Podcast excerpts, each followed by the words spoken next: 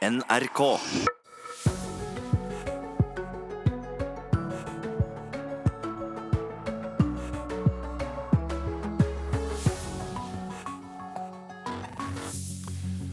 Da har Nyhetsmorgen satt fart, og i den nærmeste tiden er vi opptatt av følgende saker. 100 sivile drept eh, i nytt syrisk angrep eh, mot eh, opprørsområder. Stortap for curlinggutta under OL kan ha kostet dem semifinaleplassen. Og forskere fra Universitetet i Tromsø har vært i Pyeongchang for å studere en av de viktigste årsakene til norsk langrennssuksess denne sesongen Klæbo-skyve. Og i Kulturnytt eh, blir det mer om filmen Utøya 22.07. Den hadde verdenspremiere i Berlin i går, Anne. Ja, en av de som overlevde terrorangrepet, mener Erik Poppes eh, spillefilm ikke gir et riktig bilde av hva som skjedde på Utøya 22.07.2011. Jeg synes ikke at eh, man klarer å vise eh, brutaliteten i det godt nok. Kulturnytt er tilbake om drøye kvarteret her i Nyhetsmorgen. Men først til eh, de syriske regjeringsstyrkene som det, det, det siste døgnet har eh, satt inn voldsomme angrep mot det opprørskontrollerte Øst-Ghouta utenfor hovedstaden Damaskus. I går ble rundt 100 sivile drept i en rekke luftangrep, ifølge den London-baserte eksilgruppen Syrian Observatory for Human Rights. 20 av de drepte skal være barn. Og utenriksmedarbeider Eirik Veum, eh, hva er det som skjer i dette området nå? Ja, gjennom de siste ukene så har uh, syriske regjeringsstyrker gjennomført slike omfattende luftangrep nesten daglig mot uh, Øst-Ghouta. Dette er et område, som du sier, kontrollert av opprørerne. Uh, omtrent 400 000 mennesker lever der inne, da, ifølge FN. Og Øst-Ghouta har vært beleiret, altså omringet av regjeringsstyrkene i mer enn fire år. Og forholdene der inne de kan nok best beskrives som en, ja, en skrekkfilm. Menneskene som er der, de, de, lider. Det kommer ut bilder av barn som sulter i hjel. De får ikke behandling når de blir syke. Enda verre er det jo videoopptakene som kommer ut eh, etter disse flyangrepene. Vi ser eh, småunger som løper ut fra bomberuiner. De skriker, rop, roper på moren og faren sin, eh, ber om hjelp. De blør fra sår. Mennesker bæres ut uten armer og ben, andre er sprengt i småbiter. Det er hjerteskjærende å se på. Og selv om eh, regjeringsstyrkene sier at de går etter militære mål, så er eh, slik krigføring i sivile områder noe av det vanskeligste man kan gjøre. Det har vi sett før, og vi ser det nå. Så, sånn sett så er ikke konsekvensene av disse luftangrepene og beleiringen så overraskende, men det er, eh, det er vondt å se på de bildene som kommer derfra nå. Og I tillegg så kommer det nå meldinger om at syriske regjeringsstyrker forbereder en bakkeoffensiv inn i Øst-Ghouta. Hvilke konsekvenser ser vi for oss der?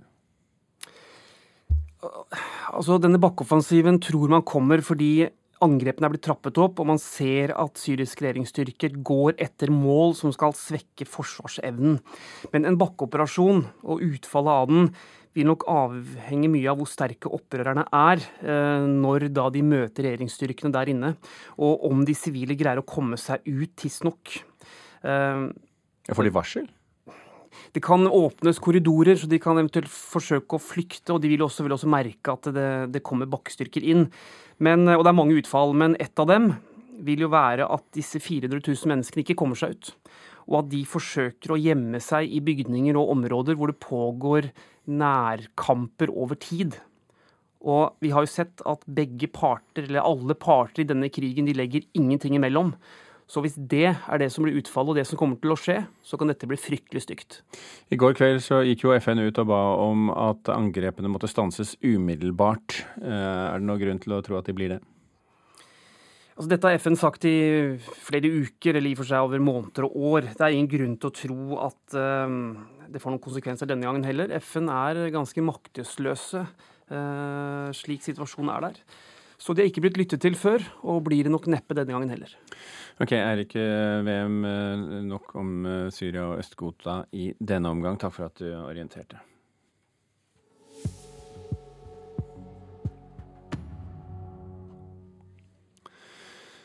En gruppe samfunnsdebattanter vil skjerpe lovverket mot falske anmeldelser. De mener falske anmeldelser altfor ofte rammer fedre i barnefordelingssaker.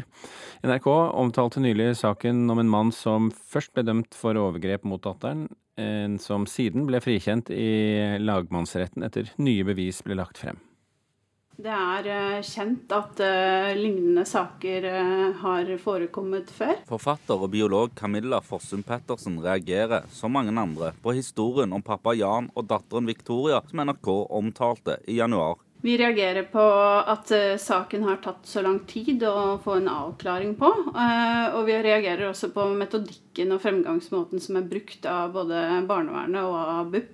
Mannen ble først dømt for seksuelle overgrep mot datteren, men så frikjent av juryen i lagmannsretten. I mellomtida hadde Forsvaret fått tak i nye bevis om hvordan behandlingen jenta hadde fått hos barne- og ungdomspsykiatrien hadde vært. Denne behandlingen ble omtalt som manipulerende, og behandlerne ble beskyldt for å legge ord i munnen på jenta. Saken startet som en barnefordelingssak med en konflikt mellom mor og far. I en sånn kamp så blir det en konkurranse om å framstå som en best mulig egnet omsorgsperson. Pettersen og hennes meningsfeller mener altfor mange sånne saker ender opp med stygge beskyldninger og falske anklager. Det kan også innebære at man bruker skitne triks, som f.eks. at man retter falske anmeldelser om straffbare forhold. Vi reagerer på at ingen noensinne har blitt dømt uh, for å ha retta falske anmeldelser i forbindelse med en barnefordelingssak. I dag er det 46 000 barn som ikke ser fedrene sine. Hvert år behandles over 2700 sånne saker i retten, og alvorlige beskyldninger om alkohol, incest og vold er et tema i en tredjedel av de. Og vi vet at det fins fedre der ute som kan bevise sin uskyld, og som har gjort det. Eh, de har bevist sin uskyld, og hvor det ikke har fått noen konsekvens for samvær og bosted. da. Nå vil Fossum Pettersen og en rekke andre samfunnsdebattanter at Justisdepartementet skal innskjerpe lovverket og ha en bedre bedre håndheving av det lovverket som finnes rundt falske anmeldelser, for å få bukt med problemet. Det å forklare seg falskt i eh, retten i en barnefordelingssak, vil jeg si strafferettslig er eh, bortimot risikofritt. Det sier advokat Øyvind Østberg. Som regel får ikke disse falske anklagene og anmeldelsene konsekvenser for de som setter de fram. Du risikerer i virkeligheten ikke eh, påtale. Og Det er jo noe som eh, folk faktisk får med seg. Man er klar over at i sånne saker så er det jo veldig store interesser på spill på begge sider. Veldig sterke grunner for å gjøre det som må gjøres må for å vinne, vinne saken. Og Det kan også i en god del tilfeller bety ganske alvorlige beskyldninger. I realiteten så er det ikke noe straffansvar. Det blir ikke håndhevet. Og det er et stort uh, blind flekk altså, i den norske rettsstaten. Nå vil han ha endring. Ja, her eh, er jo på en måte lovverket på plass, da, i hvert fall når det gjelder altså, falsk forklaring. Så det må til en bevissthet om at dette er eh, alvorlige straffbare handlinger som skal forfølges. Altså Som tradisjonelt har vært ansett som veldig alvorlig. Av en eller annen grunn så har det gjennom mange tiår i Norge uh, svunnet hen, nærmest. Noe som man ikke skal ta særlig mye på alvor. For ordens skyld, det er ingen som er dømt eller anmeldt for falske anmeldelser i den konkrete saken NRK har omtalt. Gruppen viser til den saken, for dette gjelder saker av denne typen. NRK og gruppa har vært i kontakt med justisminister Sylvi Listhaug om saken, som skriver i et brev at hun har tillit til politiet, påtalemyndigheten og domstolene, og at de behandler sakene i samsvar med lovgivers intensjoner. Eller sender hun saken over til Barne- og likestillingsdepartementet. Vi kommer til å følge opp eh, henvendelsen til Listhaug, og vi kommer også til å skrive aktivt i mediene. Sa Camilla Fossum Pettersen. Reporter her det var Syed Ali Shabas Akhtar. Så har vi fått uh, Bjørn Myklebust i uh, studio. Da vet de som kjenner uh, kjøreplanen vår at det skal handle om Politisk kvarter. Dvs. Si hva som kommer i Politisk kvarter om en time, Bjørn. Og da forstår jeg at det handler om Jeg tipper ikke helt feil om det er intercity? Nei, stemmer. Jernbane. Jernbane. Aftenposten skrev om dette i går for de som leste leste den. I, I, 2024 skal det bygges dobbeltspor mellom Oslo og Fredrikstad, Tønsberg, Hamar og Hønefoss. Et kjempestort prosjekt. Men nå sier de som skal bygge, at det ikke går. Det skal vi diskutere. Og så skal Trond Giske på talerstolen igjen i dag, i Surnadal. Det kom, jo, det kom sterke reaksjoner i alle retninger første gang han talte etter disse metoo-sakene. og jeg får besøk av en kommentator som mener at Giskes støttespillere i Trøndelag, på i grasrota der, de har blitt demonisert. Eh, og så får jeg besøk av en annen som har et litt annet syn på det. Ok. Eh, det blir eh, konflikter i Politisk kvarter i god ånd som vanlig. Bjørn Myklebust kommer tilbake her i Nyhetsmorgen altså om ca. en time, eller en drøy time. La oss ta en titt på et par-tre saker som papiravisene skriver om i dag. Norske sykepleiere blir selv syke, og det av turnusarbeid. Det skriver Dagbladet i dag. Halvparten av alle sykepleiere som har turnusarbeid, sliter med vansker med å sovne, og når de først sovner, så sover de dårlig. Enda flere av dem sliter med muskel- og skjelettplager og hodepine, og det er særlig nattarbeidet da, som får skylden for disse plagene, viser en undersøkelse utført av Statens arbeidsmiljøinstitutt. Og så henger det sammen i tillegg. altså Hard turnus med få muligheter til å hente seg inn igjen, leder igjen til dårlig søvn, som igjen leder til skjelettplager og eh, hodepine. Gode nyheter fra Egypt, riktignok, for, for Egypt.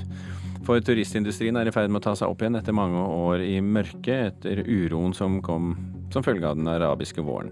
Og det er det Klassekampen som skriver i dag. Nå er det riktignok ikke de offisielle tallene klare ennå, men de siste tallene vi har tilgang på viser at turistinntektene økte i 2017 med 170% også prognosene ser lyse ut, forutsatt at ingen nye kriser setter inn, selvsagt. Det internasjonale pengefondet forventer at turistinntektene i landet vil øke til 48 milliarder kroner dette regnskapsåret, og fortsette til over 100 milliarder i løpet av 2022. Turismen falt jo med rundt 40% etter urolighetene i 2010. En veldig viktig industri for Egypt. Og så et annet punkt hvor vi egentlig ikke har så veldig gode tall, men det er gode grunner til å tro, eh, basert på tidligere forskning, at over 700 000 nordmenn faller i trapper og skader seg hvert år. Det er Federlandsvennen som skriver om dette i dag, etter å ha snakket med både Norsk by- og regionsforskning og NTNU. Ofte er trappen for glatt, og det kan være dårlig sikret med feil eller ikke-eksisterende gelender. Og det kan mangle faste holdepunkter i omgivelsene og feste blikket mot. Så et godt gelender, det er lett å gripe rundt. Det er ett triks for å holde trappen sikker. Men også sklisikring på selve trinnene er fornuftig å skaffe seg. Altså denne lille listen man kan kjøpe, som man setter ytterst på trappetrinnet, den har dessuten et fint navn. Den heter Trappenese.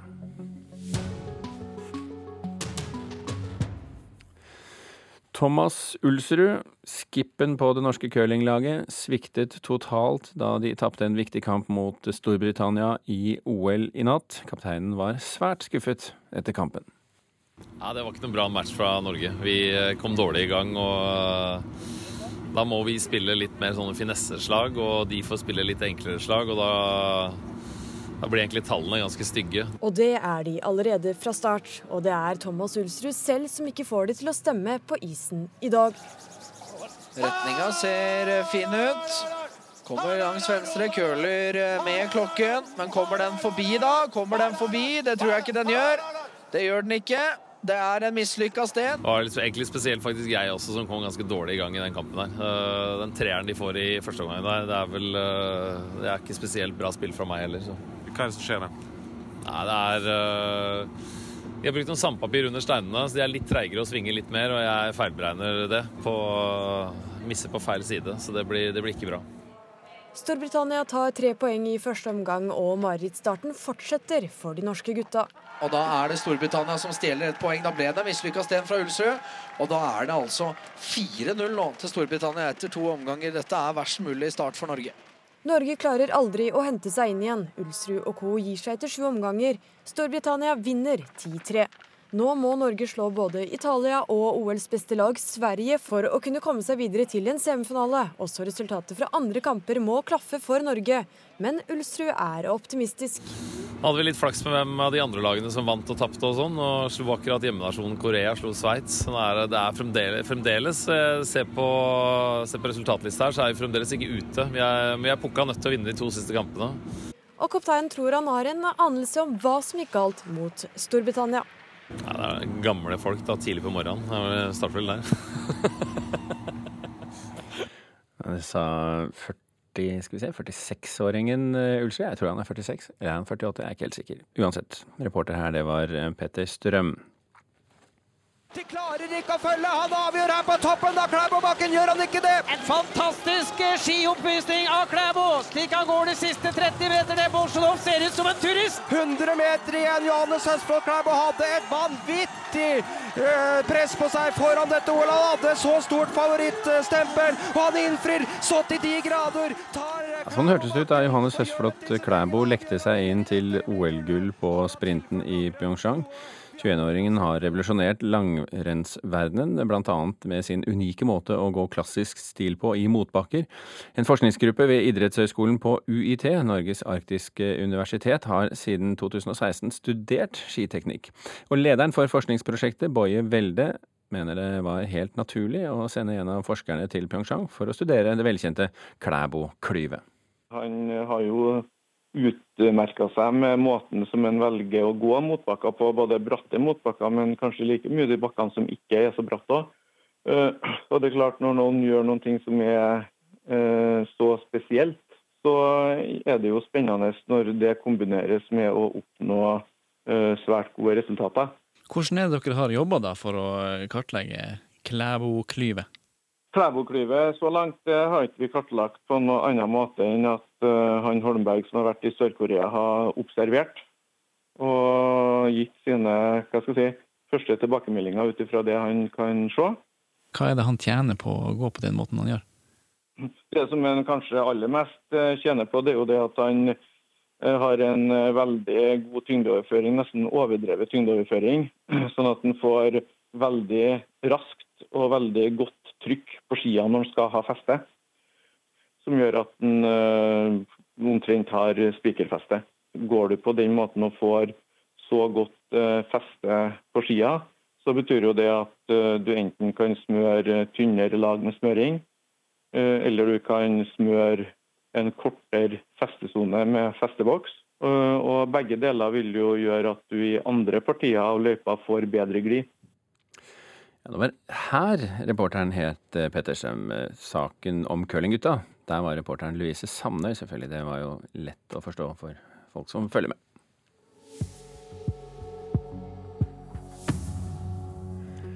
Og du hører på Nyhetsmorgen. Klokken er et par sekunder unna ti på sju. Hovedsakene våre i nyhetene i dag er at 100 sivile er drept i nytt syrisk angrep på opprørsområder. Bakkeangrep kan gjøre situasjonen enda verre.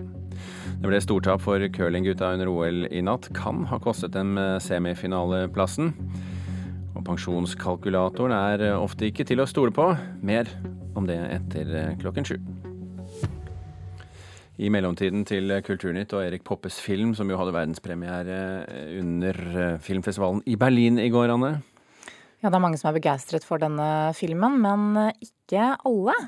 Hanne Linaker, som overlevde skytingen på Utøya, mener regissør Erik Poppe ikke har greid å gjenspeile brutaliteten i angrepet på Utøya 22.07.2011. Filmen hadde, som du sa, premiere under filmfestivalen i Berlin i går. Linaker fikk se filmen under en lukket visning tidligere i vinter.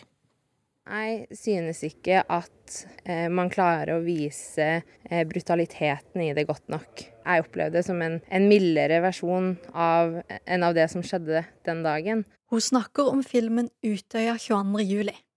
Hanne Linaker fra Bardu i Indre Troms overlevde skytinga på Utøya, men mista broren sin der. Drøye seks år seinere blir det hun kaller sitt livs verste mareritt, gjenstand for både spillefilmer og TV-serier. Linaker så deler av Erik Poppes film om skytinga på Utøya under ei lukka visning i slutten av januar. Hun mener at han ikke greier å gjenspeile det som faktisk skjedde. Og så er det jo basert på en fiktiv person og hennes fiktive opplevelse. Og når den attpåtil da ikke er grusom nok, misforstå meg rett, så, ja, så, så blir det på en måte ikke helt rett. Filmen hadde mandag premiere under filmfestivalen i Berlin, og filmcrewet ble møtt med stor interesse og blitsregn på den røde løperen. Og dette er et bilde på høyreekstremisme uh, som ikke bare skjer i Norge, men som skjer rundt omkring i hele verden. Altså Den dagen hvor ikke det lenger gjør vondt å se denne historien, da er det for sent. Det sa regissør Erik Poppe. Han sier målet er å vise hendelsene fra synspunktet til de som var der og opplevde skytinga. Likevel mener Linaker at det er det store bildet Poppe burde vist. Historien om 22. juli, det som skjedde den dagen, er også mye mer enn akkurat de 90 minuttene som, som er i spillefilmen. Det handler om hva Utøya var før 22. juli, de verdiene som ble angrepet, de kreftene som angrep, eh, de som døde, de som overlevde, og, og tida etterpå. Eh, og ingenting av det berøres i filmen. Så det er på en måte man forteller i beste fall bare en liten del av historien. Flere av filmanmeldelsene til filmen har tatt tak i spørsmålet om det var rett tidspunkt å lage denne filmen på, men filmen får gjennomgående god kritikk. Blant annet filmmagasinet Variety skriver at filmen er utrolig godt laga, men de sier han ikke lærer oss noe nytt om terrorhandlinga. Linaker mener at filmen ikke kan stå for seg sjøl. For ettertida, da, så er det vel så viktig å snakke om, om de andre tingene. Og den filmen kan, ser jeg kanskje kan brukes som et ledd i en videre diskusjon eller en videre samtale om temaet, da. Men den kan ikke stå seg alene. Regissør Erik Poppa har ikke vært tilgjengelig for å kommentere Linakers kritikk. Reportere her var Kristine Sterud og Rune Nordkår Andreassen. Nå skal det handle om eh, ulovlig spredning av filmer på internett. Det viser seg nå at norske fildelere kan ha grunn til å skjelve i buksene, reporter Oddvin Aune. Ja, Nettavisen skriver at eh, det jaktes nå på norske storhaier innen eh, ulovlig fildeling. De forteller at mange som har drevet med ulovlig fildeling, kan vente seg et ubehagelig brev i posten med skyhøye erstatningskrav. Eh, bakgrunnen for det er at det nylig ble avsagt en kjennelse i Oslo tingrett eh, der norske internettleverandører ble pålagt å avsløre flere tusen kunder som hadde vært med på ulovlig spre seks spillefilmer på nettet. Og da er det snakk om mer enn 22 000 norske såkalte IP-adresser som er involvert. Ja, en IP-adresse er altså en datamaskins unike identitet eller adresse? Det stemmer. Eh, og eh, det må først understrekes at kjennelsen om å utlevere personinformasjon eh, er ikke rettskraftig ennå, da. Men her er det da det danske advokatfirmaet Njord som har bedt om å få utlevert personopplysninger som kan knyttes til de her IP-adressene. De har vært i kontakt med Dagbladet, men de vil ikke fortelle hvem de representerer, eller hvilke seks filmer som de mener er spredt ulovlig. Men de forteller at eh, de altså har 22 000 IP-adresser som hører til folk som har lasta ned de her seks filmene fra nettsteder som Popcorn og Popcorn og Pirate Bay. Men Vil det da si at 22 000 nordmenn kan vente seg erstatningskrav? Nei, det, det tror jeg ikke. Altså, Advokatfirmaet sier at de har eh, tenkt å konsentrere seg om de som er, bedriver fildeling veldig aktivt og at det er ikke alle som vil bli etterforska her. Samtidig så har de sendt ut eh, sånne brev eh, til nordmenn eh, før, og de har, har nylig sendt ut 50 000 brev med krav til fildelere i Danmark og Finland. Men må jeg betale dersom jeg får et sånt erstatningskrav? Ja, Du kan la være å betale med den risikoen at saken blir tatt videre. Men det er jo de som sender ut kravet som må sannsynliggjøre at det er du som uh, eieren av IP-adressen som har utført den ulovlige handlinga. Og det er jo flere i Norge som reagerer på den fremgangsmåten her. Interesseorganisasjonen IKT Norge er veldig kritisk til sånn, det de omtaler som en, en trusselaktig måte å gå frem på. Takk skal du ha, reporter Oddvin Aune.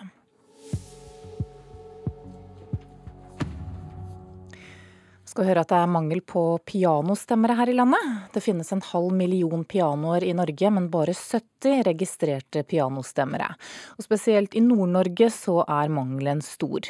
I hele landsdelen så er det bare to profesjonelle pianostemmere. Den ene er Frank Pettersen i Saltdal i Nordland, og han skal snart gå av med pensjon. Et gledelig gjensyn med en gammel stemme.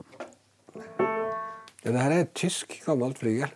Bygd i Stuttgart i ja, det her er fra 19, mellom 1900 og 1910. Det er et gammelt instrument, men det er holdt bra ved like. Så det er fint. Frank Pettersen er pianostemmer og helt i slutten av sin karriere. Han er bosatt på Rognan og er en av kun to pianostemmere her i landsdelen. Så når han nå snart går av med pensjon, trengs det nye stemmere. Vi trenger mange, og spesielt distriktene trenger mange. Og vi som er øh, holder på med det her, vi har blitt så gamle nå at vi, vi må ha noen til å ta over. Vi er jo to i Nord-Norge som, øh, som, driver, øh, som driver sånn aktivt, da.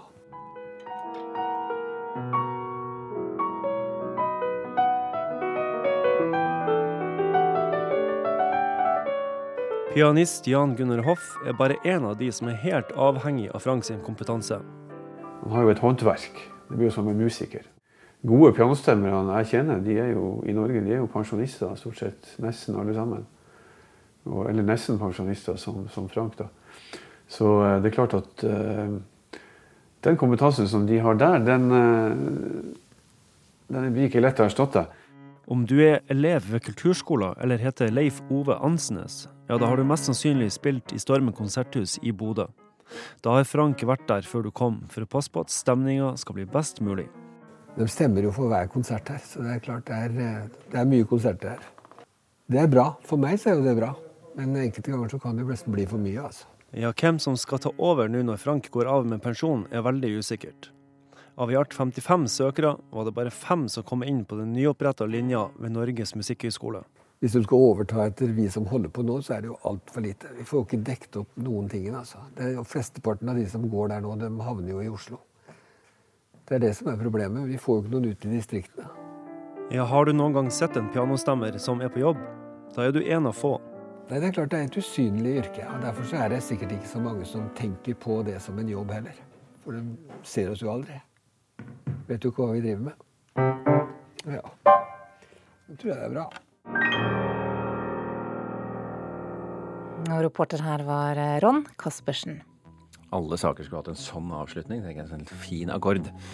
Um, vi må runde av uh, denne halvtimen av uh, Nyhetsmorgen. Uh, vi skal slippe til Dagsnytt. Når vi er tilbake, skal vi snakke om mer om mobiler og barns hjerneutvikling. Du hører en podkast fra NRK P2.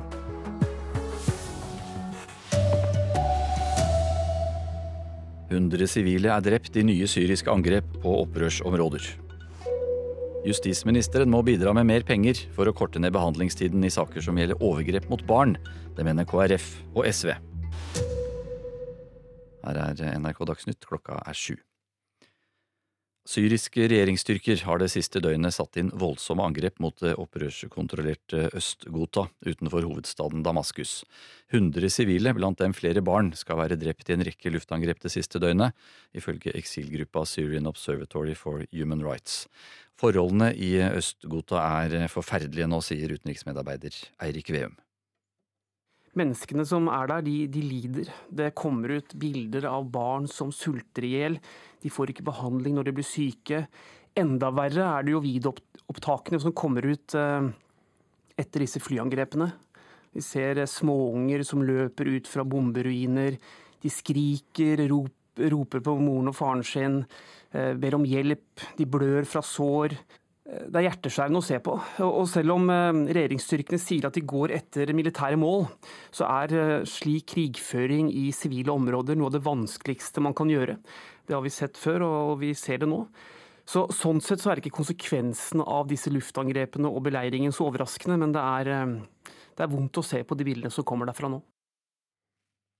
Sa utenriksmedarbeider Eirik Veum. Justisminister Sylvi Listhaug må legge mer penger på bordet for å korte ned saksbehandlingstidene i saker om eh, overgrep mot barn. Det mener eh, Kristelig Folkeparti og SV. Politiet bruker i gjennomsnitt 200 dager på etterforskning av overgrep i slike saker.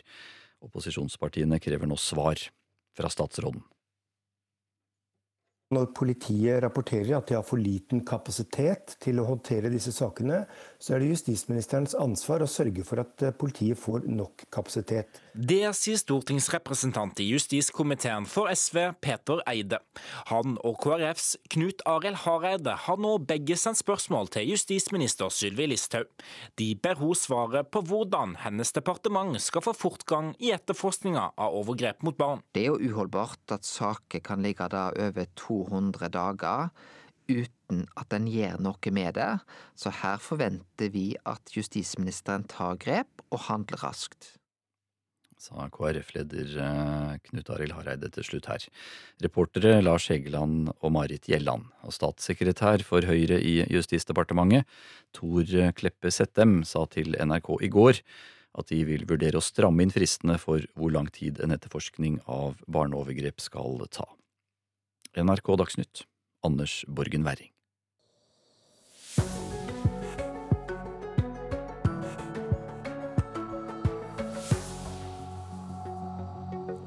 Nyhetsmorgen fortsetter med disse sakene. Pensjonskalkulatorer forteller oss ikke hva vi faktisk får i pensjon.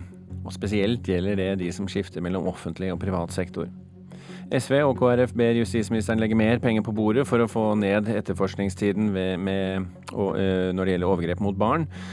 Og 100 sivile drept i nytt syrisk angrep på opprørsområder. Et mulig bakkeangrep kan gjøre situasjonen enda verre. Er du en av de som har brukt eh, pensjonskalkulator for å finne ut hva du får i pensjon? Hør etter nå. For den forteller ikke nødvendigvis hva du faktisk får i pensjon. Og spesielt gjelder det hvis du er en av de som skifter mellom offentlig og privat sektor. Der kan det se ut som man får mer enn man faktisk får. Jan Davidsen, leder i Pensjonistforbundet, mener det er alvorlig at mange føler seg lurt. Det er et stort problem for eh, alle de som velger å stole på disse kalkulatorene, så lenge vi ser at eh, de gir eh, deg feile svar. Og veldig ofte og slik at de viser at du får en høyere pensjon enn det du reelt sett får. Fredrik Haugen, som har gått fra offentlig til privat sektor, fant ikke informasjon om at hans tjenestepensjon sannsynligvis blir lavere på kalkulatoren til Statens pensjonskasse. La inn hvem jeg var, og fikk da opp en pensjonsberegning. Og I den beregningen så sto det ingen verken spørsmål eller informasjon om at jeg kunne få fradrag for eh, privat AFP i tjenestepensjonen min. Fredrik Haugen er konsulent i Aktekan og regna nylig ut at om lag 19 500 personer vil få vesentlige kutt i tjenestepensjon fordi de bytter fra det offentlige til det private. 50 år gamle Margit Holten Sørli i Hamar er en av dem. Og først nå da, så får jeg rede på det at jeg taper masse penger i pensjon. Jeg har jo trodd jeg skulle få de pengene som var oppspart. Hun får ei årslønn totalt mindre i pensjon enn hva offentlige pensjonskalkulatorer forteller. Grunnen er at Margit Holten Sørli får privat AFP. Dette trekkes fra hennes offentlige tjenestepensjon, men det fant hun ikke noen informasjon om før nå. Nei, ikke som jeg kunne se, i hvert fall. Da er jo pensjon ganske komplisert i seg sjøl, så det kan jo hende det står noe kryptisk en plass. Statens pensjonskasse svarer at de informerer om slike pensjonskutt på sine hjemmesider, selv om pensjonskalkulatoren ikke viser dette og anbefaler de som er usikre om å ta kontakt. Og KLP, som utbetaler tjenestepensjon til ansatte i kommuner, fylkeskommuner og helseforetak, har heller ikke noe system for å fange opp det fulle bildet før man faktisk går av med pensjon. Her er pensjonsøkonom Øyvind Røst i KLP. Nei, de ligger ikke inne i pensjonskalkulatoren til KLP. Vi vet ikke hvem som har privat AFP, fordi dette gjelder de som ikke lenger er medlemmer av KLP. Siden privat AFP er en kvalifikasjonsordning, vet vi først at tidligere medlemmer får utbetalt privat AFP når de søker om pensjon fra KLP ved 67 år. Og Det som er alvorlig med feil på disse kalkulatorene, det er jo selvfølgelig at eh, folk med god grunn kan føle seg lurt. Sier Jan Davidsen, leder i Pensjonistforbundet. De får daglig henvendelser fra folk som er overraska over hvor lav pensjon faktisk blir. Og Derfor er det nødvendig at eh, man både føler seg trygg sjøl på hvor man har hatt opptjeningen, hva, hva ordninger man har. Men, men, ikke minst også at eh, de som lager disse kalkulatorene, tar høyde for alle disse variablene som finnes i dag. For det er jo en tragedie for de menneskene da, som får et uh, feil svar, som uh, tror at pensjonen blir på det nivået. Og så viser det seg til syvende og sist at det var en feil. Det var noe man ikke hadde lagt, tatt høyde for. Og så kommer det ut med lavere pensjon. Reporter her, det var Linda Reinholdsen. Og fra mikroøkonomi til makroøkonomi nå. Vi har fått eh, inn vår eh, kollega Sindre Heierdal og skal snakke om børsfrykten som jo herjet verdens investorer for noen uker siden. Den synes nemlig å ha mistet grepet litt, altså frykten altså. Eh, iallfall var børsene ganske sterke forrige uke, og heller ikke i starten av denne uken synes det å ha vært panikk i markedet, Sindre. Hvordan går det på de asiatiske børsene nå i morgentimene? Du, De fleste ledende indeksene er litt nedbygger, men uh, det er ikke noe panikk. Uh, Japans Nikkei er ned litt over 1% men det er ganske rolig og, og liten handel. Så det ligner ikke på den frykten vi så for noen uker siden. Men det var jo da for et par uker siden flere av verdens børser eh, og børsindekser falt eh, samtidig, over 10% på kort tid. Eh, er det over nå, da? Er vi smult farvann nå? Ja, hvis vi ser på en del parametere, som gullprisen, som pleier å være høy hvis det er veldig mye uro, eller denne VIX-indeksen, som egentlig er en slags fryktindeks som måler eh, investorenes tro på kraftige jojo-kurser. Hvis vi ser på disse to, så er de tilbake på normale nivåer. Og Det indikerer at mye av den, den, den angsten som lå der, er borte. Eh, en investor drives jo gjerne av eh, enten eh, grådighet eller frykt, som det sies. Ja. Og, og, Sånn sett så er det litt mer normale parametere. Og som du nevnte, børsene både i Europa og USA hadde en veldig god forrige uke. I USA var det faktisk den beste uka på omtrent fem år. Så på kort sikt så synes det som i hvert fall noe av uroen har lagt seg. Men så er det jo slik at uh, børsene i USA de hadde vel feriestengt i går, hadde de ikke det? Helt riktig. Og da, og da, er det i hvert fall rolig? Det er det, og det var USA som kjørte denne nedturen vi hadde. Det var de som satt i førersetet og påvirket Asia-Europa. Asia-Europa har stort sett bare svart på, på, det som har skjedd i USA. Og derfor er mange nå spente på hvordan USA åpner halv fire i ettermiddag. Det vil si mye for den korte tiden framover. Ja, og du bruker begrepet på kort sikt. Hvor sikre kan vi være på at disse kraftige børsfallene at det er en sånn tilbakelagt stadium eh, nå?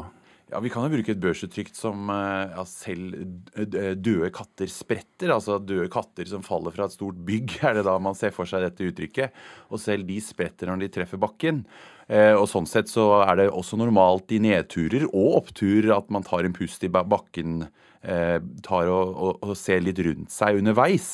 Men eh, på litt sikt så tror jeg vi må, kommer til å se at når selskapene tjener veldig mye penger, veldig mange har levert enda bedre enn forventet nå de siste månedene, så skal det litt til at børsene faller mye Eh, når vi ser framover mot eh, sommeren. Jo, Men det er jo ikke bare det, fordi at eh, det er vel rentespørsmålet, eller rentespøkelset, man snakker om her. Altså inflasjon og renter som, som, var driverne sist gang. Så det kan jo skje igjen. Absolutt. Selv om de tjener penger i selskapene. Ja, og nå er inflasjonen lav i de fleste land. I USA er den fortsatt under det målet som sentralbanken har satt seg. Men det finnes jo økonomisk teori som belegger at når inflasjonen først begynner å stige, så kan det gå fort i svingene. Da begynner forventningene til folk om å få mer lønningsposen pengespotsen å øke kraftig også. Og så får du en spiral som går fortere og fortere rundt. Og det kan jo skje, og det er noe av det man frykter nå. og Det blir verdt å følge med på. Særlig hvis man har mye gjeld. Da er det vel ikke lønningsposen man er mest opptatt av? Nei, og det kan vi huske på her i Norge. Og gjeldsbetjeningsevnen vår er ikke spesielt høy hvis renta stiger. Ok, Sindre Herdal, takk for at du eh, orienterte.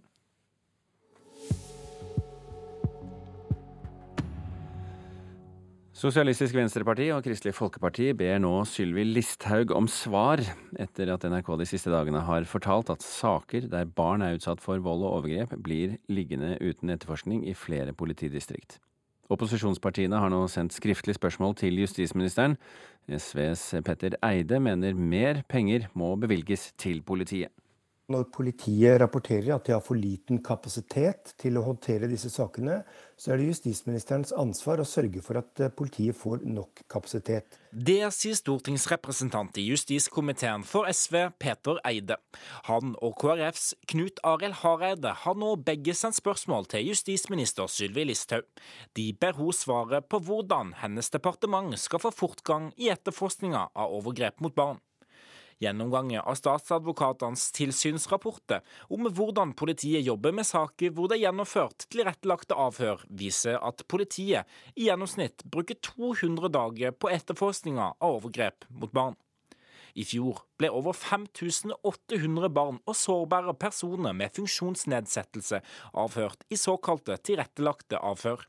Siden sakene gjelder vold og seksuallovbrudd, skal de sårbare avhøres én til tre uker etter anmeldelse. Men etter avhøret er tatt, blir mange saker liggende. Dette er ikke politiets feil, mener Eide.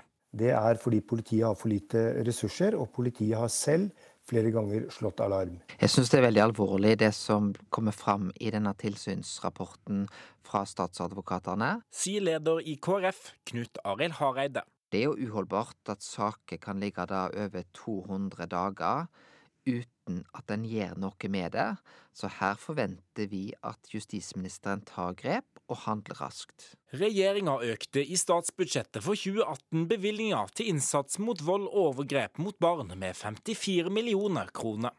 Hareide innrømmer at dette ikke har vært nok. Vi får gjennom denne tilsynsrapporten et tydelig beskjed til hele det politiske Norge at det vi har gjort, det har ikke vært nok. Vi er nødt til å prioritere dette høyere framover. Statssekretær i Høyre for Justisdepartementet Tor Kleppe Settem sa i går til NRK at de vil vurdere å stramme inn fristene for hvor lang tid en etterforskning av barneovergrep skal ta.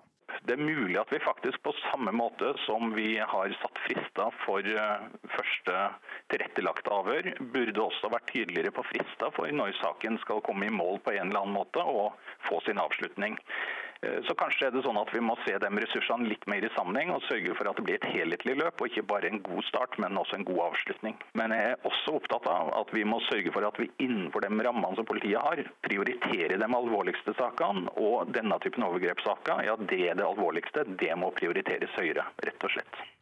Reporter her, det var Lars Hægeland og Marit Gjelland. Klokken eh, passerer 14 minutter over sju akkurat eh, der. Du hører på Nyhetsmorgen. Hovedsakene våre i dag er at 100 sivile er drept i nye syriske angrep på opprørsområder. Justisministeren må bidra med penger for å korte ned behandlingstiden i saker som gjelder overgrep mot barn, mener KrF og SV. Og pensjonskalkulatorer forteller oss ikke hva vi faktisk får i pensjon. Spesielt for de som skifter mellom offentlig og privat sektor, kan eh, feilen oppstå.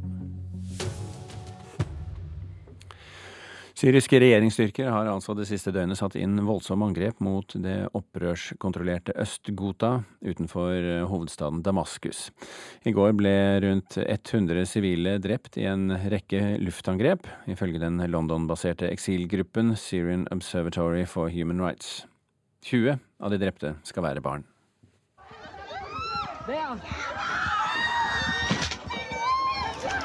En liten jente står ved siden av et utbombet hus. Hun roper på hjelp. Øynene forteller hva hun har opplevd. De viser frykt. Frykt for å dø. Det minner om et ubeskrivelig mareritt, det som skjer i Øst-Ghouta nå. 400 000 mennesker lever der inne. Kvinner, barn, gamle og syke. Området er kontrollert av opprørere. De har vært flere år under beleiring. Regjeringsstyrkene har omringet dem. Flyangrepene skal ødelegge militære mål, men det er ikke bare det som skjer. I løpet av det siste døgnet er de fleste ofrene sivile. Det antydes at regjeringsstyrkene forbereder en større bakkeoffensiv inn mot Øst-Ghouta. Det betyr gatekrig, kamper i bygninger og områder der befolkningen forsøker å gjemme seg. Det vil føre til flere ofre. Flere drepte sivile. De blir ikke skånet denne gangen heller. Og det sa utenriksmedarbeider Eirik Veum. Midtøsten-korrespondent Kristin Solberg, eh, fortell oss hva er det som har skjedd nå? Ja, dette er jo helt klart en opptrapping mot uh, dette området, som er det siste opprørskontrollerte området rundt uh, Damaskus. Vi så kraftige luftangrep i helgen, i går, i natt. Uh, og noen av videoene som er lagt ut i sosiale medier fra inne fra området, viser det vi ser ut som boliger som er, er rammet, altså sivile mål. det skal også være fire feltsykehus som er, er rammet, og, og mat matforsyning eh, er rammet eh, med, med, med, med angrep mot bakerier og varehus med, matforsyninger. Ja, er, dette, er dette Kristin, eh, spesifikt ønskede mål, eller er det konsekvens av et forsøk på å treffe militære mål? Ja, Det vil jo være, være avhengig av, av av siden du snakker med her, eh, menneskene inne i det opprørskontrollerte området eh, mener at dette her er, eh, er rettet mot sivile mål, mens, mens, syriske myndigheter sier jo selv at de forsøker å ramme militære, militære mål. Det vi ser samtidig, er at opprørere har svart med raketter inn mot Damaskus, mens hærens militærmakt er langt langt eh, overlegen. Og Bombingen så, har vært så intens det siste døgnet at FN i går kveld eh, kom med en uttalelse hvor de ber om at luftangrepene stanser umiddelbart. Men hvorfor skjer dette akkurat nå?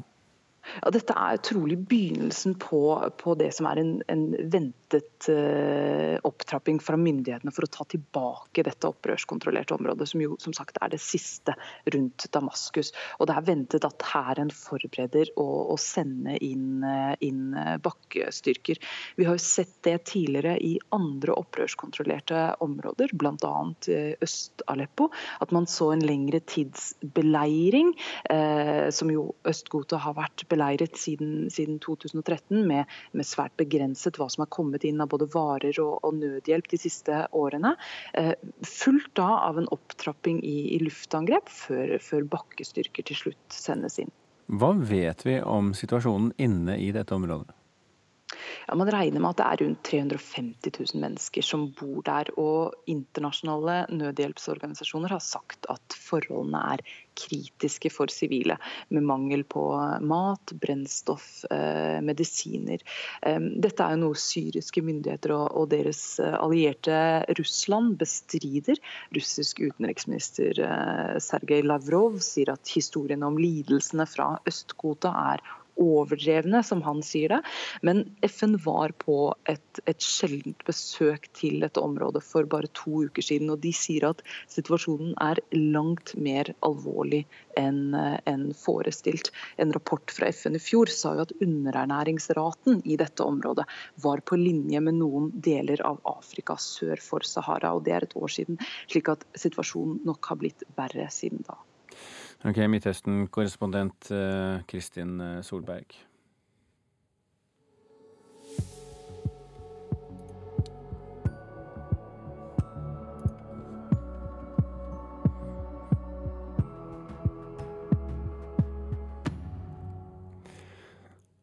Arbeidsinnvandringen til Norge har bremset opp. Rekordmange polakker reiste ut av Norge i 2016, og Statistisk sentralbyrå venter at stadig færre vil komme til Norge for å arbeide de kommende årene.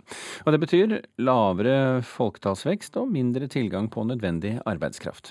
Brødrene Greg og Bogdan Kukab har bodd og jobbet i Norge i over ti år, men nå vil Greg hjem. Maskiner, roboter og hender i arbeid hos bedriften Nomec i Stryn. Greg Kusab kom til Norge i 2006, da arbeidsinnvandringa virkelig skjøt fart. Svogeren min han ringer meg og så spør eh, har du lyst til å komme til Norge, jeg har veldig greit arbeid til deg. Og slik ble det. Kusab lærte seg sveising, fikk etter hvert jobb i Nomek, etablerte seg i Stryn med kone og to barn. Men nå vil han hjem. Jeg tenker å flytte tilbake til Polen. Jeg har lyst på noen endring i min liv. Tror du at det blir lett å få seg jobb i, Polen nå? Ja, jeg tror det blir ikke noen problem til meg. Og mange gjør som Greg, reiser hjem igjen. Siden målingene starta i 1951 har utvandringa fra Norge aldri vært høyere enn i 2016, viser tall fra SSB. Og selv om det fremdeles er flere polakker som kommer enn som flytter ut, så har arbeidsinnvandringa til Norge gått nedover helt siden toppåret 2011. Fasiten for 2017 kommer snart, men seniorrådgiver i SSB, Marianne Tønnesen, tror trenden holder fram. Vi tror at arbeidsinnvandringa, særlig fra Øst-Europa, at den vil fortsette å gå ned i årene framover. Det skyldes både at vi forventer at situasjonen i Norge ikke blir så økonomisk god som den har vært noen år for noen år siden, men også at vi forventer at den økonomiske situasjonen i Øst-Europa vil ta seg opp videre, sånn at det både er lettere å få jobb og at man kan tjene relativt mer enn man gjorde tidligere. Arbeidsinnvandringa til Norge har vært stor, og har bidratt betydelig til sysselsettinga. I Sogn og Fjordane sank tallet på etnisk norske sysselsatte mellom 2010 og 2015. At det likevel var en økning i tall sysselsatte, skyldes innvandrere i arbeid. De har vært viktige for å ha hatt den omsetningsveksten som vi har hatt her på Nomek, det er ikke tvil om det. På Nomek er 13 av 55 faste ansatte fra utlandet, og de har vært viktige, sier daglig leder Jon Rune Heimlid. Det er mange av de vi har fra Polen som er ekstremt flinke til å sveise, bl.a. Hvor hadde utviklingsmulighetene vært hvis en ikke hadde hatt tilgang på, på utenlandsk arbeidskraft? Stalltipset er jo at det kanskje hadde vært vanskelig å få tak i nok kompetent arbeidskraft. NRK fortalte tidligere denne veka at Nav er uroa for mangel på arbeidskraft i flere regioner, bl.a. pga. ei aldrende befolkning. At færre nå kommer til Norge for å jobbe, forsterker utviklinga. Det hele kongeriket er veldig bekymra for, er jo at Den arbeidsinnvandringa som landet og fylket vårt har blitt begunstiga med, det er ei Sareptas krukke som nå eh, gradvis vil tørke ut. Sier Frode Henden i Nav Sogn og Fjordane. Og Det vil føre til at uh, den vesle økningen i befolkninga som uh, mange distriktsfylker heldigvis har hatt de siste åra, gradvis vil stoppe opp, også til dels snu. Tilbake på Nomek sitt Bogdan Kushab, bror til Greg, foran PC-en og jobber med nye konstruksjoner. Brødrene er delte, for Bogdan han holder fremdeles en knapp på Stryn. Jeg tror jeg skal være her ganske lang. Hvorfor det, da? Det er egentlig det fineste plass her, som jeg ser. Jeg ser mye andre plasser, og det er det fineste her. Reporter her var Silje Guddal. Dagens vinterleker i Pyeongchang er allerede godt i gang, og det norske curlinglaget har jo bl.a. vært i aksjon eh, i morges, og det ble tap. Og snart spiller også Norge hockeykamp mot Slovenia. Den starter 08.40, tror jeg. Men vi skal snakke litt om dagens kanskje aller største medaljesjanse for Norge, nemlig mixed-stafetten i eh, skiskyting. Louise Samnøy, eh, hva kan vi forvente av de norske skiskytterne i dag? De som skal gå for Norge til Eckhoff, Marte Olsbu, Johanne Signesbø og Emil Hegle Svendsen, eh, står med hver sin individuelle medalje i Pyeongchang foran dagens miksstafett. Og Norge er vel det eneste laget som stiller med fire medaljister, så det er klart det er knyttet store forventninger til det norske laget.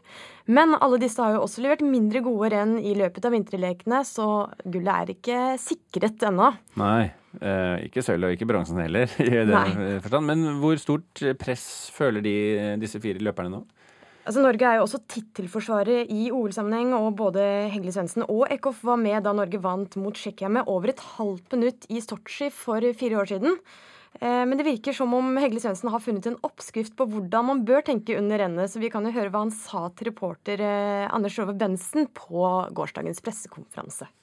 Det er jo nok nerver og nok eh, alvor som det er i en sånn eh, setting som eh, en, en stafett er. og kan ofte være litt, litt, vanskelig å takle når du går for Norge og du går for de andre på laget. og sånn der, Så prøver bare å gjøre litt som, litt som, som vi gjorde i Sotsji, husker jeg, i, i OL i Sotsji. På miksstafetten. Da gikk vi bare ut for å ha det gøy. og Jeg tror det er en veldig bra oppskrift. fordi det blir nok nerver og nok, nok alvor uansett. Så vi må bare gå til med den innstillinga der, den tror jeg er helt perfekt på en miksstafett. Og det er jo nettopp eh, Hegle Svendsen som skal gå ankeretappen for Norge i dag, eh, som også blir hans aller siste konkurranse i OL. Og denne stafetten kan du høre på radio i NRK Sport 12.15, eh, hvis du ikke har anledning til å se den på TV Norge, selvsagt. Eh, og så må vi jo ikke glemme kombinertgutta. De hopper allerede klokken 11. Og der skal jo Jørgen Gråbakk forsvare OL-medaljen eh, som han fikk for fire år siden. Ja, og Så er det litt bedre vindforhold denne gangen, så vi håper at det går bra. Lucy Samner, takk for at du orienterte. Foreldres mobilbruk kan hemme småbarnas hjerneutvikling de første leveårene. I dag må mange foreldre ta et oppgjør med seg selv for å vie nok oppmerksomhet til barnet fremfor smarttelefonen ta meg selv eh, plutselig og sitte med mobilen eh, med en baby på fanget, og plutselig så har den sutra litt. Da får man litt dårlig samvittighet. Det er nok eh, flere enn meg som gjør det. Men eh, vi er bevisste på ikke alltid gjør det, i hvert fall. Foreldreparene Irmelin og Julian Fossengen og Camilla Alonso Berg og Domingo Alonso sitter på Sentrum helsestasjon i Kristiansand. Omkring dem flyter det av leker, og hvert av parene har en seks måneder gammel baby på fanget. Alle fire foreldrene innrømmer at smarttelefonene er i hyppig bruk, og at det kan være en utfordring å legge den til side når man skal ha kontakt med barnet, enten det er amming eller leking. Jeg prøver jo å være bevisst på hvordan jeg bruker telefonen, eh, og ikke gjør det når hun skal ha oppmerksomhet. Men det er klart man, man bruker den jo en del i løpet av en dag, men eh, prioritere henne først. Vi tenker jo at eh, når vi har den grunnholdningen at barna er selvfølgelig mye viktigere enn alle ting vi har, så, så er det det som vil eh, skinne gjennom, at barna merker det. Bjørg Rødland er helsesøster ved Sentrum helsestasjon i Kristiansand. Hun understreker ofte for nybakte foreldre at smarttelefonen må vike plass for barna. Ofte påpeker hun det allerede i det første hjemmebesøket, når barnet er mellom syv og ti dager gammel. Barna gir ut sånne små signaler på at de ønsker kontakt, og hvis ikke du fanger opp det, så mister du en god del av den, den gode eh, kontakten med, med, barnet ditt. Det kan være et lite smil, det kan være noen små lyder, som er ganske vesentlige for å utvikle eh, det gode forhold mellom, mellom barn og, og foreldre.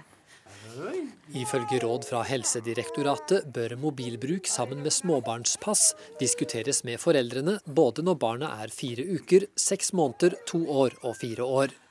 Men helsesøster Bjørg Rødland vil gjerne ta det opp med foreldrene både tidligere og oftere. Hvis vi tar det på hjemmebesøket, så tar vi det liksom før. Da sier vi ikke noe anklagende, men da kan vi ta det i forkant. Hjernen til et nyfødt barn veier omkring 400 gram men bare i løpet av det første leveåret mer enn dobler hjernens vekt seg til rundt 1 kilo. Hjerneforsker Audrey van den ved NTNU i Trondheim sier barnets utvikling er så enorm de første årene av livet at det er veldig vesentlig med god kommunikasjon mellom barn og foreldre. Jo mer stimulering eh, en liten baby mottar, jo eh, flere koblinger mellom nervecellene i hjernen og jo mer hjernen vil være i stand til å utvikle seg. Og Derfor er det viktig at foreldrene snakker til barnet, at de prøver å berøre dem, utfordre dem bitte litt med å vise dem bilder eller, eller bevegelige objekter og sånn, slik at hjernen får masse inntrykk og kan begynne å sortere de og bearbeide de. Reporter i dette innslaget det var Heidi Ditlevsen og Yngve Stiansen. Klokken er straks eh, halv åtte, og det betyr eh, Dagsnytts hovedsending her eh, i Nyhetsmorgen. Når vi er tilbake til Dagsnytt, så skal vi snakke om Hanna Eknes fra Krokstadelva. Hun hadde ingen barn hun helt til hun var tolv år. Da tok mamma grep. Gjett hvordan det gikk.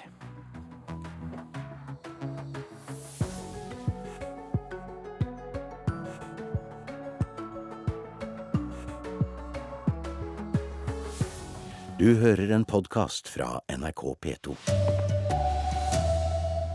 Mange barn er drept etter voldsomme syriske angrep på opprørsområder. Stol ikke på pensjonskalkulatoren, ofte regner den feil. Store deler av veinettet på Vestlandet kan bli nattestengt. Her er NRK Dagsnytt, klokka er 7.30.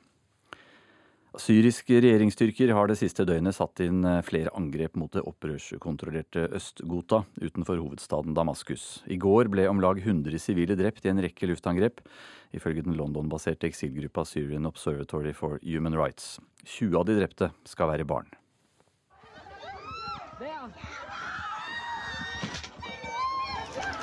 En liten jente står ved siden av et utbombet hus. Hun roper på hjelp. Øynene forteller hva hun har opplevd. De viser frykt. Frykt for å dø. Det minner om et ubeskrivelig mareritt, det som skjer i Øst-Ghouta nå. 400 000 mennesker lever der inne. Kvinner, barn, gamle og syke. Området er kontrollert av opprørere. De har vært flere år under beleiring. Regjeringsstyrkene har omringet dem. Flyangrepene skal ødelegge militære mål, men det er ikke bare det som skjer. I løpet av det siste døgnet er de fleste ofrene sivile. Det antydes at regjeringsstyrkene forbereder en større bakkeoffensiv inn mot Øst-Ghouta. Det betyr gatekrig, kamper i bygninger og områder der befolkningen forsøker å gjemme seg. Det vil føre til flere ofre. Flere drepte sivile. De blir ikke skånet denne gangen heller. Det sa utenriksmedarbeider Eirik Veum. Og nå har vi med oss Midtøsten-korrespondent Kristin Solberg. Du må fortelle mer om det som har skjedd. Ja, dette er en opptrapping mot det siste opprørskontrollerte området rundt Damaskus. Og videoer inne fra Øst-Ghouta viser eh, private hjem som er blitt rammet av, av, luftangrep. Det skal også være eh, feltsykehus og matforsyning som, som er, er, eh, rammet, blant det hæren sier også er militære mål. Og bombingen er så intens at FN i går kveld kom med en uttalelse hvor de ber luftangrepene om å stanse umiddelbart. Samtidig så ser vi at opprørerne i Øst-Ghouta har svart med raketter inn mot Damaskus, men hærens militærmakt er langt overlegen. Men hvorfor denne intense bombingen akkurat nå? Ja, dette er trolig begynnelsen på en ventet opptrapping fra myndighetene om å ta tilbake eh, Øst-Ghouta. Eh, det er ventet at hæren forbereder seg på å sende inn bakkestyrker. Det har vi sett tidligere i andre opprørskontrollerte områder, bl.a. Eh, Øst-Aleppo. At man ser en lengre tids beleiring fulgt av en opptrapping i luftangrep, før bakkestyrker til slutt sendes inn. Takk skal du ha, Midtøsten-korrespondent Kristin Solberg. Jeg skal skifte tema nå, for eh, pensjonskalkulatorer forteller oss ikke alltid hva vi faktisk får i eh, pensjon. Får man eh, f.eks. privat AFP, så kuttes det i den offentlige tjenestepensjonen, noe som kommer til å ramme flere tusen personer. 50 år gamle Margit Holten Sørli oppdaget først nå at pensjonskalkulatoren viser at hun får langt høyere pensjon enn, hun var, enn hva hun faktisk får. Og først nå da, så får jeg rede på det at jeg taper masse penger i pensjon. Jeg har jo trodd jeg skulle få de pengene som var oppspart. Hun får ei årslønn totalt mindre i pensjon enn hva offentlige pensjonskalkulatorer forteller. Grunnen er at Margit Holten Sørli får privat AFP. Dette trekkes fra hennes offentlige tjenestepensjon, men det fant hun ikke noen informasjon om før nå. Nei, ikke som jeg kunne se, i hvert fall er jo pensjon ganske komplisert i seg sjøl, så det kan jo hende det står noe kryptisk en plass. Statens pensjonskasse svarer at de informerer om slike pensjonskutt på sine hjemmesider, selv om pensjonskalkulatoren ikke viser dette. Og KLP, som utbetaler tjenestepensjon til ansatte i kommuner, fylkeskommuner og helseforetak, har heller ikke noe system for å fange opp det fulle bildet før man faktisk går av med pensjon. Her er pensjonsøkonom Øyvind Røst i KLP. Nei, de ligger ikke inne i pensjonskalkulatoren til KLP. Vi vet ikke hvem som har privat AFP, fordi dette gjelder de som ikke lenger er medlemmer av KLP. Det som er alvorlig med feil på disse kalkulatorene, det er jo selvfølgelig at eh, folk med god grunn kan føle seg lurt. Sier Jan Davidsen, leder i Pensjonistforbundet. De får daglig henvendelse fra folk som er overraska over hvor lav pensjon faktisk blir. Det er jo en tragedie for de menneskene som får et eh, feil svar, som eh, tror at pensjonen blir på det nivået. Og så viser det seg til syvende og sist at det var en feil. Det var noe man ikke hadde tatt høyde for. Og så kommer det ut med lavere pensjon.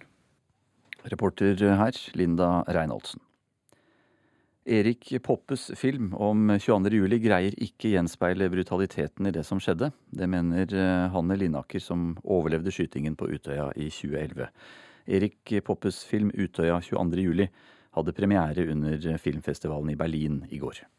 Jeg synes ikke at eh, man klarer å vise eh, brutaliteten i det godt nok. Jeg opplevde det som en, en mildere versjon av, enn av det som skjedde den dagen. Hanne Linaker fra Bardu i Indre Troms overlevde skytinga på Utøya. Drøye seks år seinere blir det hun kaller sitt livs verste mareritt, gjenstand for både spillefilmer og TV-serier. Filmen hadde mandag premiere under filmfestivalen i Berlin. Altså Den dagen hvor ikke det lenger gjør vondt å se denne historien, da er det for sent. Det sa regissør Erik Poppe. Han sier målet er å vise hendelsene fra synspunktet til de som var der og opplevde skytinga. Likevel mener Linaker at det er det store bildet Poppe burde vist. Og så er det jo basert på en fiktiv person og hennes fiktive opplevelse. Og når den attpåtil da ikke er grusom nok, Eh, misforstå meg rett, så, ja, så, så, blir det på en måte ikke eh, helt rett. Linaker så deler av Erik Poppes film om skytinga på Utøya under ei lukka visning i slutten av januar. Hun mener at han ikke greier å gjenspeile det som faktisk skjedde. Den filmen kan, ser jeg kanskje kan brukes som et ledd i en videre diskusjon eller en videre samtale om temaet, da. Men den kan ikke stå seg alene.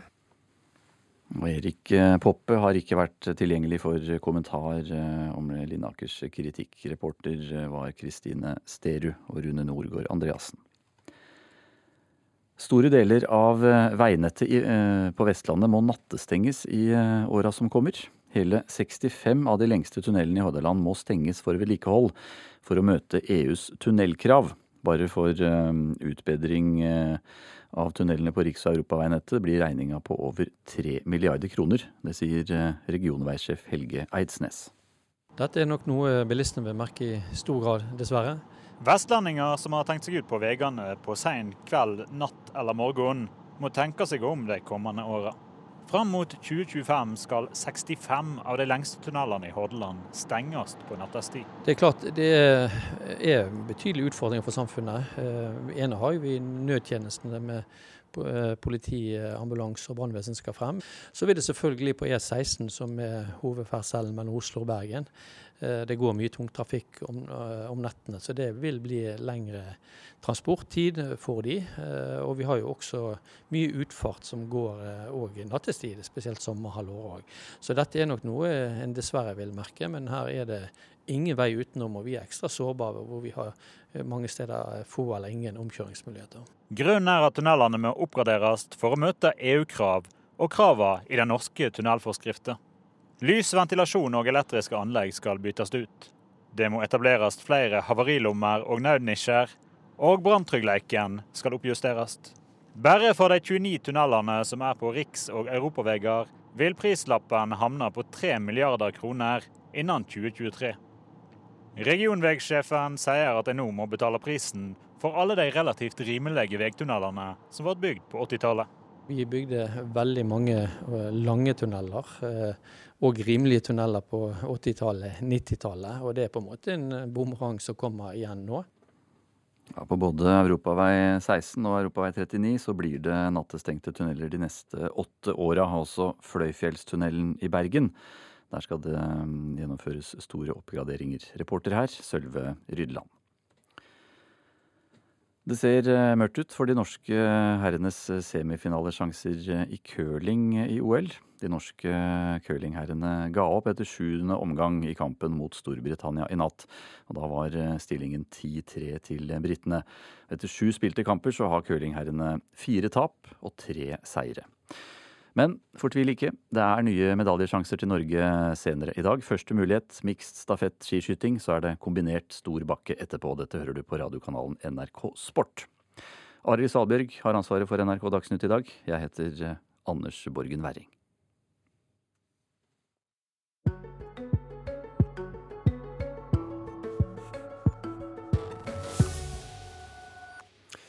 Har du noen gang tenkt på hvordan det er å ikke ha noen venner? Altså ingen venner overhodet. Det har tolv år gamle Hanna Eknes fra Krokstadelva utenfor Drammen tenkt mye på, for helt siden hun var liten har hun vært helt uten venner. Men mamma er positiv, og har nå tatt saken i egne hender. I et innlegg på Facebook søkte hun etter en venninne til Hanna, og til mammahjertets store overraskelse, hun fikk massiv respons. Hei! Det er Sikkert du som er Hanna, tenker jeg. Det er sikkert litt tidlig for alle, tror jeg. Hils på deg, og søsteren, eller? Kristina, hyggelig. Foran meg i rullestolen sin sitter tolv år gamle Hanna Eknes fra Krokstadelva. Skal du si hei, eller? Hæ? Ikke? Litt sjenert, ja. Det skjønner jeg veldig godt. Hanna er ikke helt som alle andre jenter på hennes alder. Fordi hun er født med cerebral parese, som gjør at musklene i kroppen ikke adlyder helt som de skal, har det ført til at hun også har fått andre typer funksjonshemninger. Blant annet har hun en alvorlig og komplisert form for epilepsi. Derfor går hun på en skole som er tilrettelagt for de med spesielle behov. Hun går på en eh, spesialskole i Drammen som heter Frydenhaug. Men uh, hun har jo ikke noen venner. Uh, aldri sånn blir bedt i bursdag eller ja. Så det er litt sårt, da. Dette forklarer mamma Mette Elisabeth Eknes. Hun synes det er trist når tvillingsøster Nora har besøk av venninner, at Hanna alltid blir sittende i stolen sin og smile og se på. Derfor tok hun saken i egne hender, hvor hun via et innlegg på Facebook søkte etter venninner til Hanna. Jeg hadde en litt sånn tung dag, og så Nå har det vært veldig mye som har skjedd. Hanna har vært veldig mye dårlig. Og så tror jeg vel kanskje Nora var på besøk hos ei venninne. Så var det vel sånn Oi, kanskje jeg skal prøve å se om det er noen som har lyst til å komme og besøke Hanna òg. Så var det sånn jeg tenkte det, da. Og til mammas store overraskelse har innlegget blitt delt over 500 ganger. Ønsket om å få bli Hannas venninne er stort, og nå står tilbudene i kø. Eh, ja, det var veldig. Jeg hadde ikke trodd det skulle løpe sånn av vei, men det er jo mennesker som jeg overhodet ikke veit hvem er, og som både liker og kommenterer og deler. Og det, jeg kjenner at det har vært veldig rørende, altså. Det må jeg si. Tvillingsøster Nora er også glad for at så mange viser stort engasjement. Eh, jeg syns det var veldig bra at noen måtte vise at de brydde seg. da. Jeg syns det er veldig koselig at Hanna òg kan få besøk. For hun tenker jo klart akkurat som oss, men hun klarer på en måte ikke å vise det, da, eller si det. Sånn som vi andre kan. Selv om det er mange som fortsatt venter på å få møte Hanna, har hun allerede hatt besøk av en potensiell venninne. Vi har jo allerede hatt ei her, da. Uh, hun går i klassen til tvillingsøstera. Og hun hadde jo sagt sjøl at hun hadde jo et stort ønske om å få komme opp og besøke Hanna. Så hun har vært her to ganger, og Hanna viser veldig stor glede når hun er her. Nå er håpet at Hanna skal få enda flere venninner, slik at hun også kan be noen andre enn bare familie i bursdagen sin. Nei, Så håper vi jo kanskje at det er en si en tre-fire stykker da, som har lyst til å være litt her hos oss, sånn at hun òg kan få lov å be noen på bursdagen sin. da. For det føler jeg veldig på, liksom. At uh, det blir bare sånn voksenfamilie for henne. Men jeg har lyst til at hun skal ha noen venninner som hun òg kan be da, på sin bursdag, som er her for henne, liksom. Ja, Det sa mamma Mette Elisabeth Eknes til reporter Kristina Julesen. Skal vi ta med at det er flertall på Stortinget nå for å innføre en ny lov som forbyr næringsmiddelindustrien og matvarebransjen å kaste mat. I fjor høst mente regjeringen det, var, det ikke var nødvendig med en matkastelov, men nå krever opposisjonen på tinget at en slik lov innføres, ifølge Dagsavisen. Partiene ønsker også et påbud om at all spiselig overskuddsmat skal doneres til veldedige formål, eller brukes som dyrefôr. Og i snitt så kaster hver og en av oss 42 kilo mat som kunne vært spist hvert år.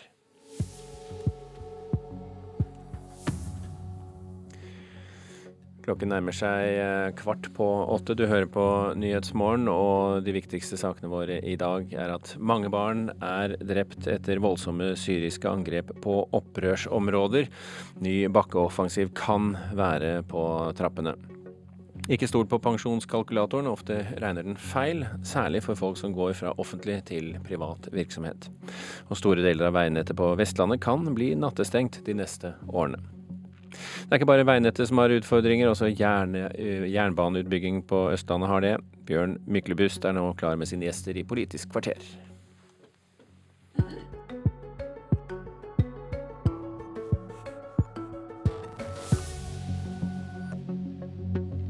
I 2024 skal det gå mye raskere å reise med tog på Østlandet, har politikerne lovet.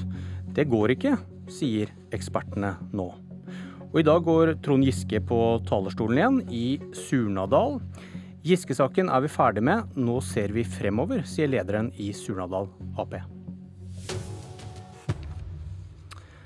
For bare åtte måneder siden bestemte Stortinget utbygging av doble jernbanespor mellom Oslo og Fredrikstad, Tønsberg, Hamar og Hønefoss innen 2024. Reisetid og klimautslipp skal ned der det bor og jobber flest folk. Men så, i går kunne Aftenposten fortelle at Bane Nor, som har ansvaret for å bygge ut jernbanen, sier at det ikke går. Intercityutbyggingen bør utsettes. Dobbeltspor til Fredrikstad blir tre år forsinket, til Hamar to år forsinket, Tønsberg ett år og Hønefoss fire år forsinket. Aftenposten har ikke fått samferdselsministeren i tale, og han kunne ikke stille i Politisk kvarter i dag. Men god morgen, Helge Orten, leder i transportkomiteen på Stortinget fra regjeringspartiet Høyre. God morgen. Kan intercityutbyggingen stå klar i 2024, som Stortinget har vedtatt? Her er det jo flere strekninger og flere målsettinger. Men eh, i utgangspunktet så ligger jo Nasjonal transportplan fast. Eh, det som nå skjer, er jo at det blir eh, Bane Nor og Jernbanedirektoratet jobber med handlingspro et handlingsprogram for hvordan dette skal gjennomføres i praksis. Og det er jo det dette her er eh, fra Bane Nor nå et innspill på eh, hvordan det rent praktisk kan gjennomføres. Du sier eh, at Nasjonal transportplan og planen om 2024 står fast. Konsernsjefen i Bane Nor får et spørsmål fra Aftenposten om hva som skal til for å klare 2024, og svarer gitt bevilgningene i statsbudsjettet for 2018 er det praktisk umulig å nå eksempelvis Hamar i 2024. Jeg registrerer det innspillet fra, fra Bane NOR. Og så er det sånn at eh, Dette her er nå til, til faglig vurdering. Bane NOR eh, gir jo sine innspill til Jernbanedirektoratet, som til sjuende og sist skal legge fram eh, handlingsprogrammet for hvordan dette her skal gjennomføres. Eh, etter min oppfatning så er det viktig å opprettholde ambisjonsnivået i Nasjonal transportplan. Og så får vi se litt på de praktiske sidene med å gjennomføre de forskjellige prosjektene. Det, er jo, det Bane NOR foreslår, er jo en, en framskynding av f.eks. Oslotunnelen som er en viktig, viktig del av, av, den totale satsinga. Men du sier igjen at ambisjonene i transportplanen om 2024 ligger fast. Har du, har du noen annen fagekspertise som sier at det likevel er mulig, når Bane NOR sier at det er umulig? Nei da, men eh, jeg registrerer jo samtidig at uh, dette er jo ny informasjon for Jernbanedirektoratet. Uh, og at det nå er en prosess i de fagetatene her på hvordan dette her kan gjennomføres. Jeg tror det samtidig er viktig at vi eh, tar på alvor for så vidt de innspillene som her kommer fra Bane NOR. Rett og slett fordi at eh, eh det de peker på, er jo bl.a. å kunne gjennomføre et handlingsprogram, et utbyggingsprogram, som gir minst mulig problem for de reisende i utbyggingsfasen. Som sørger for at vi har et godt tilbud hele veien, også mens det blir bygd ut.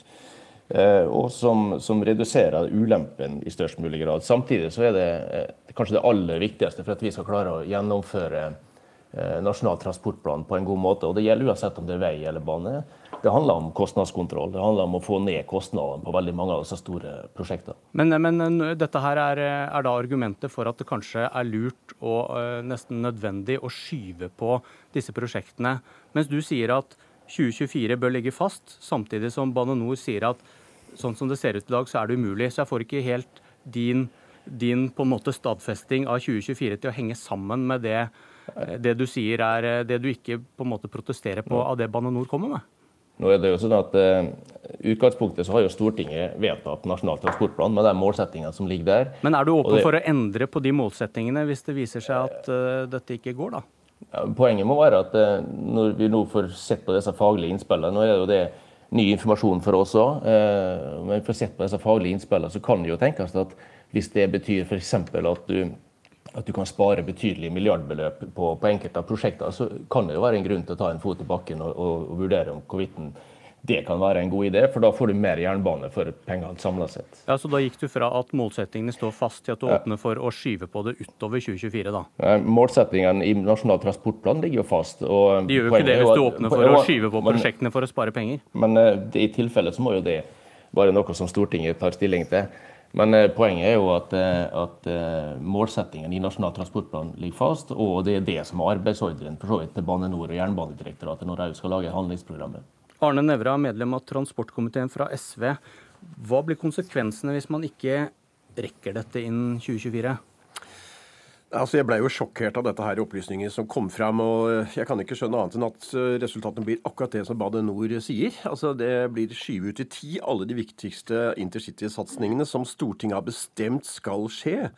Og altså, Det som er så overraskende her, er jo at um, vi har altså åtte måneder siden så vedtok vi en plan som hele Stortinget sto bak, som var viktige kriterier for å få norsk samferdsel i gang og få togene på skinnene.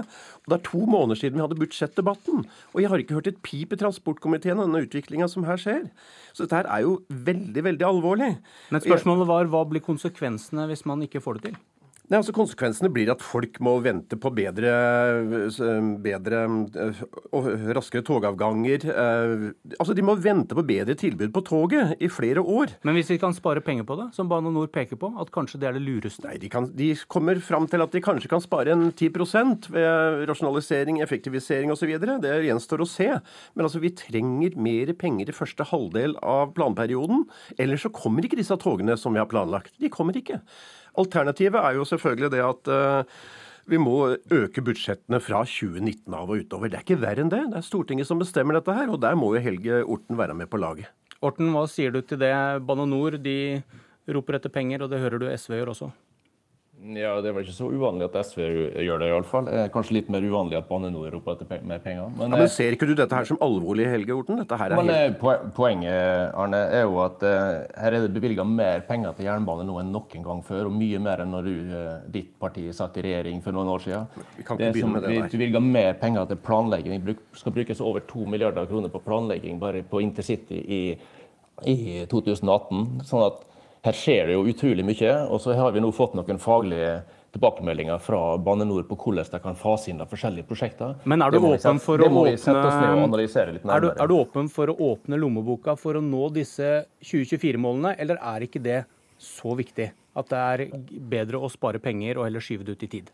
Jeg er litt opptatt av at vi nå ikke tenker bare på mengden av penger, men faktisk hvordan vi bruker penger nå. Ja, men Eh, er derfor, så, derfor, så litt, derfor har jeg litt annet forhold til, til kostnadsbesparelser enn det Arne Nævra tydeligvis har. fordi 10% innsparing på jernbanebudsjettet er ganske betydelige beløp.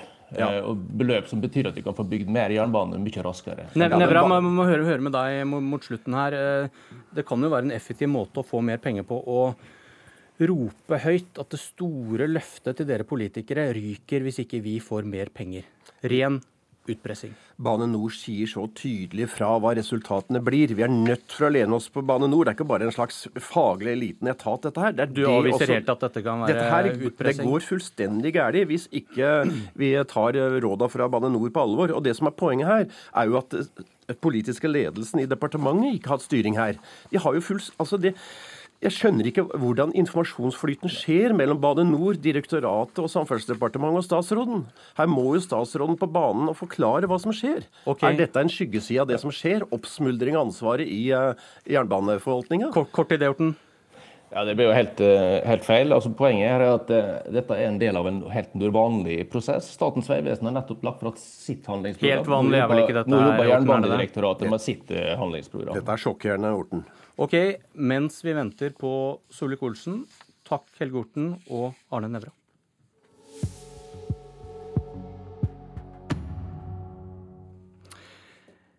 I dag skal Trond Giske holde tale på Nordmøre, i Surnadal.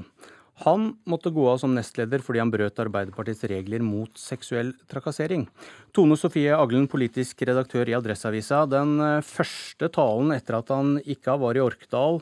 I dag drar han ut av hjemfylket. Eh, Er stedene han holder disse første talene tilfeldig valgt, tror du? Nei, det tror jeg ikke. Jeg tror både Folkets hus i Orkdalen og det er kantina på sykehjemmet i Surndalen, som jo er reservetrøndelag, da. Jeg tror det er steder som går rett hjem i Arbeiderpartisjela. Det er langt unna vepsebolet på Youngstorget, og jeg tror det er en veldig sånn fin arena for Trond Giske å gjenreise seg som en, en folkelig politiker som er opptatt av distriktene og grasrota i partiet. Du sa til meg i går at du mener grasrota i Arbeiderpartiet Trøndelag har blitt demonisert. Hva, hva mente du med det? Ja, det var kanskje et litt sterkt ord, men når jeg leser sånne kommentarer om at uh, Trøndelag Arbeiderpartiet er som ei sekt som uh, unnskylder uh, sextrakassering og maktovergrep, så kjenner jeg meg ikke igjen i det bildet. Jeg opplever at uh, folk mener at han har fått en straff. Han har vært viktig for Trøndelag. Vi driver ikke med gapestokk lenger, og da er det naturlig at han blir tatt godt imot når han kommer tilbake. Og det er ikke det samme som at man bagatelliserer eller ikke bryr seg om varslerne. Hvem er det som har stått for denne ja, kall det demoniseringa, da? Ja, jeg syns at eh, mange av kommentatorene i riksmedia har eh, beskrevet det litt sånn. Og det handler kanskje om at eh, enkeltpolitikere i Trøndelag har hatt en del uttalelser som, som ser uheldige ut. Men det betyr ikke at hele Trøndelag er en politisk sekt som unnskylder sexovergrep. Berit Aalborg, politisk redaktør i avisa Vårt Land. Eh, En riksavis. Eh, Føler du deg truffet? Nei, jeg gjør ikke det. Og det jeg har prøvd å skrive, er å, prøvd å analysere noe av den historiefortellinga, mytedannelsen, som man bedriver med i Arbeiderpartiet nå om dagen. Og, og både trønderne og Giskefløyen er ganske gode på historiefortellinger.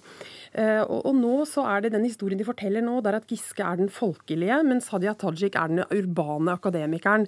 Men går du bare tilbake til 2002, så var, når Giske sto i, i, i nestlederkamp med Bjarne Håkon Hansen, så skrev faktisk Adresseavisa den gangen at, at, eh, at Bjarne Håkon Hansen var en likende kar til appell med vanlige folk. Mens Giske han var en politiker som tilhørte øvre middelklasse, han var en akademiker.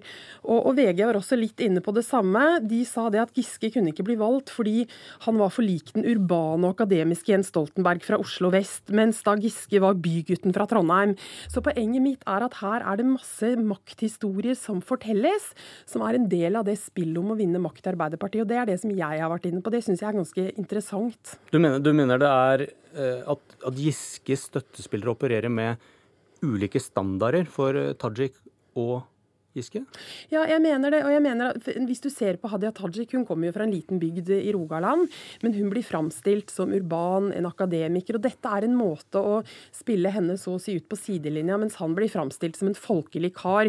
Eh, og, og, og, og, både fagbevegelsen og andre tar imot denne folkelige karen som de for noen få år siden sa var en bygutt fra Trondheim. Så det er veldig interessant, dette spillet som nå bedrives. Aglen, du, du snakker vel mer i retning av at Giske er, er litt mer folkelig enn enn Tajik. Jeg tror i hvert fall at det er opplevelsen blant uh, Arbeiderpartifolk som jeg snakker med. Jeg har til gode å høre noen som ikke er imponert over Hadia Tajik som uh, politiker og kapasitet. Men jeg tror også mange opplever at hun og Jonas Gahr Støre blir litt like.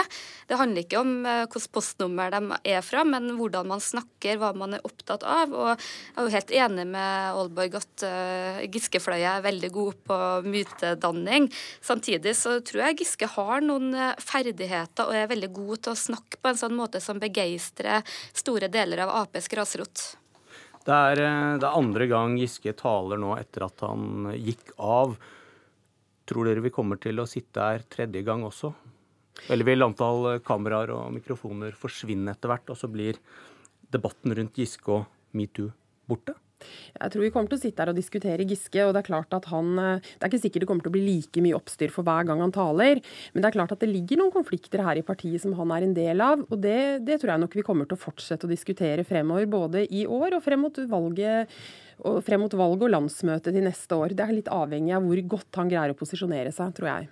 Aglen, hva, hva tenker du om, eh, om hvordan dette vil leve videre i partiet? Nei, Jeg opplever at det er et stort rop i Arbeiderpartiet etter noen som er i stand til å ta partiet tilbake til røttene og løfte partiet politisk. Og jeg tror nok at eh, Giske ser det som sin mulighet til å, å fylle det hullet og være den som kan løfte partiet. Og den talen han holdt på i Orkdalen viste jo at han er en politisk kapasitet som evner å begeistre, men det er ikke noe tvil om at eh, han eh, også provoserer veldig mange, og at det er et maktspill som gjør at det er nok ikke siste gangen vi snakker om Giske Giske og, og hans rolle. Takk for analysene, Tone Sofie Aglen i Trondheim, Berit Aalborg her i Oslo. Dette var Politisk kvarter, og jeg heter Bjørn Myklebust.